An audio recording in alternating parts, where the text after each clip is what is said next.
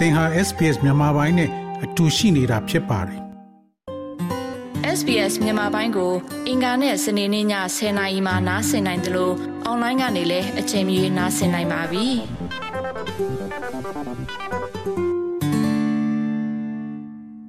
ကမ္ဘာနိုင်ငံအသီးသီးဟာနိုင်ငံရဲ့လူသားတရံစာတာတွေမျိုးစိမ့်မှုအရေးကိုအမျိုးသားရေးဖြစ်အလေးထားလှုံ့ဆော်လေးရှိပါတယ်။ စစ်အာဏာသိမ်းထားတဲ့မြန်မာနိုင်ငံအတွက်တော့လူသားတရံဇာတာမှန်သမျှဟာစနေဆိုးတွေကြားမှာအသက်ရှင်သန်မှုအရေးဂုဏ်သိက္ခာရှိစွာရပ်တည်နိုင်မှုအရေးမှာရှောင်တိန်ထွက်ပြေးနေရတဲ့အခြေအနေဖြစ်လာခဲ့ရတာပါ။ စစ်အာဏာသိမ်းတဲ့ခင်အစားလမ်းပေါ်ကဆန္ဒပြပွဲတွေစစ်အာဏာရှင်စနစ်ကိုလက်မခံကြောင်းပုံစံအသီးသီးနဲ့ထုတ်ဖော်သူတွေဒီမိုကရေစီရေးလှုပ်ရှားသူတွေကိုအကြမ်းဖက်ဖမ်းဆီးတပ်ဖြတ်တာတွေအပါအဝင်နောက်ဆုံးထုတ်ပြန်ခဲ့တဲ့စစ်မှုထမ်းဥပဒေအထိဘေးအန္တရာယ်တွေကြားမှာနေရဆွန်ခွာတိမ်းရှောင်ခဲ့ရပါတယ်။အဲ့ဒီလိုတိမ်းရှောင်ကြရတဲ့အခြေအနေကြားမှာအိမ်နီးချင်းထိုင်းနိုင်ငံကိုလည်းရွေးချယ်ခဲ့ကြတာတွေရှိပါတယ်။ လေကြောင်းကနေဝင်ရောက်တာတွေနှစ်နိုင်ငံနယ်စပ်ဖြတ်ကျော်တရားကနေဝင်ရောက်ကြတွေအပြင်တရားမဝင်လမ်းကြောင်းကနေဝင်နေသူတွေလည်းအများအပြားရှိနေတာပါပြီးခဲ့တဲ့ဒီဇင်ဘာနောက်ဆုံးပတ်ကနေဖေဖော်ဝါရီလအထိတရားမဝင်ဝင်ရောက်လာတဲ့မြန်မာတွေအဖမ်းခံရတာချိုင်းတနိုင်ငံလုံးမှာတထောင်ကျော်နေပြီလို့မြန်မာရွှေ့ပြောင်းအလုပ်သမားတွေကိုကူညီပေးနေတဲ့အဖွဲ့အစည်းတွေစီကသိရပါတယ်။ အခုဖေဖော်ဝါရီလထဲမှာဖမ်းဆီးခံရသူတွေတဲ့အသက်18နှစ်ကနေ30ကြားရှိတဲ့လူငယ်တွေပိုများတယ်လို့မြမရွှေပြောင်းအလုပ်သမားစောင့်ကြည့်ရေးအဖွဲ့ Managing Director ကိုသားကြီးကပြောပါတယ်။ဒီလက်ရှိဒီဒီဖေဖော်ဝါရီတလဆိုရင်တော့တက်ခရိုင်မှာပိုးဝင်တဲ့သူတွေပေါ့နော်အလုံးများကြတယ်ပြီးတော့သူတို့အဖမ်းခံရတာကတော့ဟို300ထဲမနေအဖမ်းခံရတယ်။အဲ့တော့ဟိုတချို့တွေလည်းဟိုအဖမ်းမခံရပဲလွတ်သွားတာပေါ့။ဆိုလိုတာကတော့ လက်ရှိမြန်မာနိုင်ငံတွေကလက်ရှိနိုင်ငံရေးအခြေအနေနဲ့ပတ်သက်ပြီးတော့အာဒီဘက်မှာဟိုဟာပေါ့ကိုယ်ဝင်လာတာဒီနော်အလှပေါင်းစုံကပေါ့ဒီစစ်မှုမထမ်းမနေရဆိုတဲ့ဥပဒေကိုရင်းဆိုတဲ့လူငယ်လေးတွေကိုယ်ဝင်လာတာဒီပုံမူများပြလာတာကိုတွေ့ရတယ်ဗျတရားမဝင်ဝင်လာရင်ဗျအဖမ်းခံရမယ်ဆိုတာဟာမြန်မာနိုင်ငံသားတယောက်ချင်းစီကအဲတည်ပြီးသားပဲဖြစ်တယ်တိုးတော်လည်းအဲတည်ရှင်လို့ပြောရမယ့်အခြေအနေတစ်ခုဖြစ်တော့အဲနိစ္စရာအိန္ဒိယနိုင်ငံကိုအဲခိုးလုံလာကြတာဖြစ်တာပေါ့နော်ဒါကြောင့်မလို့ ဟိုထိုင်းဆိုရအနေနဲ့အိန္ဒိယနိုင်ငံ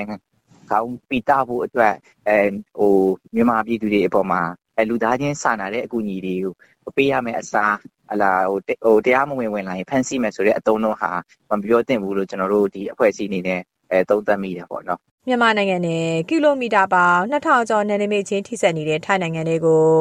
နှစ်ပေါင်း90ကျော်ပြည်တွင်းစစ်တွေဖြစ်ပွားနေတဲ့မြန်မာနိုင်ငံတွင်းကပြည်သူတွေဟာခေတ်အဆက်ဆက်မှာဝင်ရောက်လာတာတွေရှိပြီးလူဦးရေတန်းချီရှိနေတာပါလက်ရှိအာဏာသိမ်းကာလအတွင်းမှာလည်းနိုင်ငံရေးအရာလာရောက်ခိုလုံသူတွေနဲ့အလောက်ကိုင်းရှားပါမှုစီးပွားရေးအကျပ်တဲတွေကြောင့်ဝင်ရောက်လာသူတွေဟာတိမ်ချီရှိနေပါတယ်။ ဒီလိုအခြေအနေတွေကြောင့်ထိုင်းနိုင်ငံထဲမှာအလုတ်အကင်ရှားပါမှုနဲ့ပိုကြုံနေရပြီးကြုံရကြပန်းအလုတ်တစ်ခုရဖို့တော့ခက်ခက်ခဲခဲရှာဖွေနေရတယ်လို့ဖေဖော်ဝါရီလဒုတိယပတ်အတွင်းမှာမဲဆောက်မြို့ကိုရောက်လာတဲ့လှိုင်သာယာမြို့နယ်ကအမျိုးသမီးတူကပြောပါတယ်ဒီဘက်ကိုရောက်ပြီးတော့အလုံးလိုက်ရှာဆိုဒီမှာလို့ဆိုလည်းဒီဈေးထဲမှာပေါ့နော်အရင်လည်းကိုလည်းဈေးရောက်နေဆိုတော့ဒီလိုဈေးအကူပေါ့နော်ဈေးဝိုင်းရောက်နေ မင်းကလေးများလိုမလားဆိုတော့ညီမနဲ့အောင်စပိန်နဲ့လိုက်ပတ်ပြီးတော့ရှာတာရဆိုလဲမေးစိန်ရက်ဆက်ပဲပေါ့ဒါပေမဲ့အဲ့ဒါကလူမလိုသေးတာပေါ့နော်အဲ့လိုမျိုးပေါ့တက်လာလို့ရမ်းများခါကြတော့ဟိုသူတို့မှလည်းလူပြည့်နေရမျိုးပြီးတော့တခုအဲ့လိုမျိုးပြောတာပေါ့နော်ဈေးတဲ့အချင်းချင်းပြောကြအဲ့လိုစိုက်ရှင်တွေကဘယ်လိုဖြစ်လဲဆိုအရန်စစ်စစ်သွားပြီတရားအရင်လိုလူလိုတယ်လာနေလာလုတ်လိုက်ဆိုတော့ပုံစံမျိုးမဟုတ်တော့ဘူးပေါ့နော်အရင်6000ပေးရင်လည်း9000ပဲပြီးရတယ်ဆိုတဲ့အနေထားရှိရဲ ပြီးတော့အဲ့အထက်ကျုပ်ပိုင်းပေါ့နော်လိုက်ဆုံးတယ်လည်းပြီးအဲ့လိုပေါ့စားတော့ဆိုင်ပိုင်းမှာဆိုအဲ့လိုပေါ့အကူလေးပါတယ်ဆိုရင်လိုက်ဆုံးတယ်အရန်အခက်ခဲဖြစ်တယ်ပေါ့နော်ဒါတော့ညီမတို့ကိုတွေ့ပေါ့အခုညီမတို့ဆိုရင်အဲ့စိတ်ယုံတွေကိုလိုက်လျှောက်တာဆိုရင်ငါလေးနေရငါးနေရရှိသွားပြီလေးနေရလောက်ကကိုယ့်ကိုချက်စားရပဲသူတို့ကိုယ့်ကိုချက်စားရပဲပြင်မိဖို့ရေဖို့ဖြစ်တယ်300ဆို300ပေါ့နော်400ဆို400တယောက်ကိုဖြစ်တယ်တစ်လားအဲ့လောက်ပြန်ဖြစ်တယ်ကိုယ်စိတ်ကိုစားနေစရာပေးရဆိုတော့အဲ့နေစရာဆိုတာကြောတခင်ပဲတကယ်ကြောတခင်ပဲ ဖြတ်တစ်ချက်ကတော့ကျဲတဲ့ကြောတခင်မျိုးအဲ့လိုမျိုးဖြစ်နေဖေဖော်ဝါရီလ10ရက်မှာစစ်ကောင်စီကစစ်မှုထမ်းဥပဒေကိုပြဋ္ဌာန်းလိုက်ပြီးတဲ့နောက်ချိုင်းနိုင်ငံကတရဝင်းလမ်းကြောင်းကနေဝင်ရောက်လာသူတွေကိုလူဦးရေကန့်သက်တာတွေစီကံအသစ်သတ်မှတ်တာတွေပြုလုပ်ခဲ့ပါတယ်။ဗီဇာထုတ်ပေးတာကိုတနေ့မှာလူဦးရေ400အထိရှော့ချလိုက်သလိုနေဆက်တရားကနေဖြတ်တန်းဝင်ရောက်လာသူတွေကိုလည်း မှမှတ်ပုံနေယူထားတာအာမခံပေးတဲ့သူတဦးရှိမှဝင်ခွင့်ပေးတာမျိုးတွေကန့်သက်လာခဲ့ပါတယ်။ကြအပြင်ထိုင်းဝင်ကြီးချုပ်ကလည်းထိုင်းနိုင်ငံနဲ့တရားမဝင်ဝင်ရောက်နေထိုင်သူတွေကိုအရေးယူသွားမယ်လို့ဖေဖော်ဝါရီလတကြဘက်ထဲမှာပြောကြားခဲ့ပါတယ်။ ဒီလိုပြောဆိုလာမှုနဲ့အတူဧည့်စင်းတိုင်ရဖို့ထုတ်ပြန်လာပြီးမဲဆောက်ထဲကနေအိမ်တွေဈေးဆိုင်တွေမှာဝင်ရောက်စစ်ဆေးတာတွေပို့လှုပ်ဆောင်လာတယ်လို့လူအခွင့်ရေးလှုပ်ရှားသူကိုသက်ဆွေဝင်းကဆိုပါတယ်ဒီ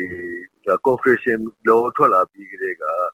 ဒီပြီးခဲ့တဲ့ဘက်ကလေးကနေပြီးတော့အဖမ်းဆီးရေမဲဆောက်မှာပူကျက်လာတယ်ပြီးတော့အဲဇင်းတိုင်ဖို့ကိစ္စလိုဟာမျိုးတွေဟိုကပြောလာတာရှိတယ်အိမ်တွေကဗနေရောက်နေတယ်ဖာလို့တင်တာတွေကျွန်တော်တို့ပို့လို့ရမှာမျိုးတွေရှိတယ် ပြီးတော့ဆိုင်တွေရောဝင်ပြီးတော့ဖမ်းပြီးတော့စစ်တာမျိုးတွေဖြစ်လာတယ်အဲပြီးတော့ propaganda ကူလာတဲ့သူတွေကိုလည်းဖမ်းပြီးတော့ပြန်ပို့ရတာတွေကဖက်တိုက်ရှိတယ်ဒါပေမဲ့ဟိုသူတို့ကပြန်ပို့တဲ့မှာကြောင့်သူတို့က activist တွေအနေနဲ့သို့မဟုတ်ဗမာပြည်ရတဲ့အခြေအနေကိုကြောက်လို့တင်းချောင်လာတဲ့သူတွေအနေနဲ့ပုံစံမျိုးနဲ့ဟို rescue အထူးပြပါဘောနော် refugee ပုံစံမျိုးနဲ့သူတို့ကအပိမှတ်ပြုပြန်ပို့တာတော့မဟုတ်ဘူးဟာရွှေပြောင်းလုပ်သားတွေပုံစံမျိုးနဲ့ဖမ်းပြီးပြန်ပို့တယ်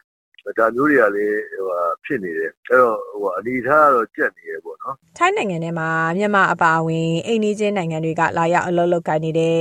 တရားဝင်ရွှေ့ပြောင်းအလုပ်သမားစုစုပေါင်း1.6တန်းကျော်ရှိနေတာပါအဲ့ဒီထဲမှာမြန်မာကတသန်းခွဲကျော်ရှိတယ်လို့ထိုင်းလူသမားဝင်ကြီးဌာနလက်အောက်ခံ DOE ရဲ့2023ခုနှစ်ဇူလိုင်လကုန်ထိကောက်ခံထားတဲ့စီးရင်တွေအရသိရပါတယ်။ ငွေကြေးမတက်နိုင်တာကြောင့်အထောက်အထားကတ်မလုံနိုင်တဲ့မြန်မာရွှေ့ပြောင်းအရေးအတွက်ဟာ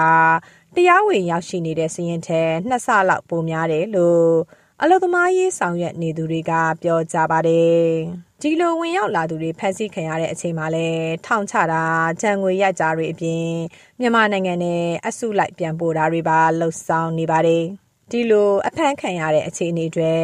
တာဝန်ရှိအဖွဲ့အစည်းတွေအနေနဲ့အကာအကွယ်ဖြစ်စေမဲ့ဤတွေကိုထိုင်းနိုင်ငံနဲ့အမြန်ဆုံးညှိနှိုင်းဆောင်ရွက်သင့်တယ်လို့ကိုသားကြီးကအကြံပြုပါတယ်။ကျွန်တော်တို့အဖွဲ့အစည်းကပုံမှန်ကအဖွဲ့အစည်းဖြစ်တဲ့အခါကျတော့တက်ဆိုင်ရာနိုင်ငံရဲ့တည်ကျဲဥပဒေကိုကြော်လွန်ပြီးကျွန်တော်တို့ဘာမှလုပ်လို့မရဘူးเนาะအဲ့တော့ဟိုအဖွဲ့အစည်းတစ်ခုဆိုတဲ့နေရာမှာ ဟိုအဖမ်းခံရတာတရားမဝင်ဝင်လာလို့အဖမ်းခံရတာဖြစ်တဲ့အတွက်ကျွန်တော်တို့ဟာလည်းတွားရောက်တွေ့ဆုံပြီးတော့မှသူတို့ရဲ့လိုအပ်တဲ့ဥပမာဆေးဝါးလိုတယ်အဲတောက်ရည်တန့်လိုတယ်ဗျာဥပမာသမင်းလိုတယ်ပေါ့နော်တစ်ထက်ကျွန်တော်တို့သမင်းကျွေးခွင့်ရတယ်ပေါ့တစ်ခါတလေလည်းကျွန်တော်တို့နှစ်ရက်လောက်ကျွန်တော်တို့သမင်းကျွေးခွင့်ရတယ်အဲ့ဒီနောက်ပိုင်းဆိုရင်တော့ရဲကသူတရားဆွဲပြီးဆိုလို့ရှိရင်သူကအာဟိုပါပေါ့ထောင်ထဲပို့လိုက်လို့ဆိုရင်ကျွန်တော်တို့ကမိသားစုဝင်မဟုတ်တဲ့အတွက်အဲတွားတွေ့လို့မရတော့ဘူးပေါ့အဲ့တော့အားလုံးချုပ်ပြောရရင်တော့ဒီလို သင်ချင်းပါသက်ဆိုင်ရာအစိုးရဟလာအများပြည်သူရွေးချယ်တင်ပြထားတဲ့အဲ NUG လက်အောက်ခံဖြစ်တဲ့အလို့သမားဝန်ကြီးဌာနကလုံးဝတာဝန်ရှိတယ်ဆိုတော့ပြောချင်တယ်သူတို့အဖွဲ့အစည်းအနေနဲ့ဒီလိုအစုလိုက်ကြုံနဲ့အဖမ်းခံရတဲ့ကိုယ်နိုင်ငံသားတွေကိုတွားရောက်တွေ့ဆုံတာမျိုးလိုအပ်တဲ့အကူအညီတွေကိုတစုံတရာသက်ဆိုင်ရာနိုင်ငံရဲ့ဒီဇယ်ဥပဒေနဲ့အဲကူညီပေးတာမျိုးတွေလုပ်တဲ့နေပေါ့။တော့အခုကအစိုးရကမလုပ်ပေးနိုင်ဘဲနဲ့ပုဂ္ဂလိကအဖွဲ့အစည်းတွေ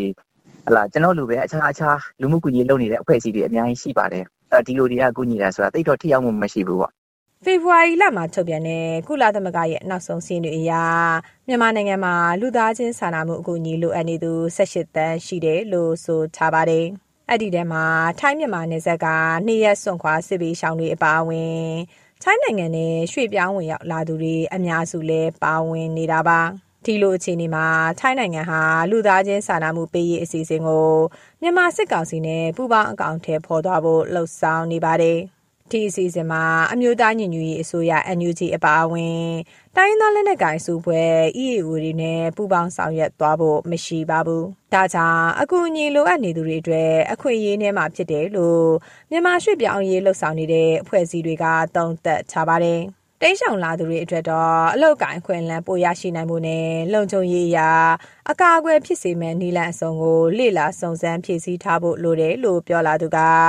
ပညာရေးနဲ့ဖွံ့ဖြိုးရေးဖောင်ဒေးရှင်းအမှုဆောင်ဒါရိုက်တာဦးထိုးချပါကျွန်တော်အနေနဲ့အများအားပြောတဲ့စကားပါပဲကျွန်တော်တို့မလာသေးခင်ပေါ့နော်ဘယ်လိုဒီနဲ့တရားဝင်မဲ့လာလားတရားမဝင်ဒီနဲ့ပဲထိုင်းနိုင်ငံကိုလာလားကျွန်တော်ထိုင်းနိုင်ငံကိုလာမယ်လို့ဆုံးဖြတ်ထားလို့ရှိရင်တော့ဒီထိုင်းနိုင်ငံထဲမှာရှုပ်ရှုပ်ရှားရုန်းကန်လို့ရအောင်တော့အခြေခံ ထိုင်းစာနဲ့ထိုင်းစကားလေးတွေတင်တင်ထားတဲ့နဲ့နောက်တစ်ချိန်တည်းမှာပဲဟိုကျွန်တော်ထိုင်းထိုင်းနိုင်ငံမှာကျင့်သုံးနေတဲ့ကျွန်တော်တို့ဟိုရှစ်ပြောလို့ဒီမှာရေးရနဲ့ပတ်သက်တဲ့မူဝါဒရေးရ policy တခြားကျွန်တော်တို့ထိုင်းနိုင်ငံရမရန်ကပြန့်နှံ့ထားတဲ့ဟိုကျွန်တော်တို့ဒီစီမင်းစည်းကမ်းဥပဒေတွေကိုလည်းဟိုတစုံတရာလိုက်လာတယ်နဲ့နောက်တစ်ချိန်မှာပဲဟိုကျွန်တော်ထိုင်းနိုင်ငံရဲ့ကြီးကြီးမှုတလေးထုံးစံစင်လာပါညာဆရာကိစ္စတွေလည်းကျွန်တော်တို့သူတို့နေနဲ့လိလာထားတင်တယ်လို့ကျွန်တော်အနေနဲ့ဟိုပြောချင်တယ်နောက်ပြီးတော့ ပိုပြီးရေးကြည့်တာက ထိုင်းနိုင်ငံထဲမှာရောက်လို့တဆုံတရားအလုသမားခွင့်ချိုးဖောက်ခံရတာပဲဖြစ်ဖြစ် လူကုန်ကူးခံရတာပဲဖြစ်ဖြစ် တခြားဟိုမတရားလုပ်ခံရတယ် လူခွင့်ချိုးဖောက်ခံရလို့ရှိရင် တစုံတရာဟိုဆက်သွယ်ကူညီတောင်းလို့ရနိုင်တဲ့ဒီပုဂ္ဂိုလ်တွေရဲ့ ဖုန်းနံပါတ်တွေ ဆက်သွယ်ဆောင်ရမယ်လိပ်စာတွေ လူပုဂ္ဂိုလ်အဖွဲ့အစည်းတွေပေါ့ဗျာအခြားဒီ INU တွေပါလို့ဆိုအဲ့လိုမျိုးဒီအစိုးရမဟုတ်တဲ့ အဖွဲ့အစည်းတွေရဲ့ ဖုန်းနံပါတ်တွေ ဆက်သွယ်ရမယ်လိပ်စာတွေကိုလည်း စနစ်ကြဟိုစုစည်း ယူဆောင်တာတင်တယ်လို့ကျွန်တော်လည်းပြောချင်လက်ရှိကာလရဲ့စစ်မှုထမ်းအခြေအနေကြားမှာလူငယ်အများစုအပါအဝင်ပြည်သူတွေဟာနေ့စဉ်နဲ့အမျှရတဲ့မအေးကြရပါဘူးစစ်မှုထမ်းအမိန့်ထုတ်ပြန်ကြမှာလဲနိုင်ငံရဲ့လူငယ်73တန်းအပေါ်တက်ရောက်လာခဲ့တာပါနိုင်ငံရဲ့လူသားတည်ရင်စားတာတွေဖြစ်တဲ့တန်းချီနေတဲ့ပြည်သူတွေအတွက်တော့ဘေးကင်းမှုနဲ့လူသားပြည်သားစွာရှင်သန်နိုင်မှုအရေးဟာအပြေရှာနိုင်မှုဝေးကွာနေစေပါ ဒီသတင်းဆောင်မကိုတန်လွင်ခက်ကပေးပို့ကြတာဖြစ်ပါတယ် sbs.com.au/bemis ကို home နေရာမှာထားပြီးတော့အမြဲတမ်းနှာစင်နိုင်ပါတယ်။နောက်ဆုံးရသတင်းတွေ၊စောင်းမားတွေနဲ့စစ်တမ်းတွေမှာပါဝင်ပြီးတော့ဆက်သွယ်မှုလုပ်နိုင်ပါတယ်။ sbs.com.au/bemis ဖြစ်ပါတယ်ရှင်။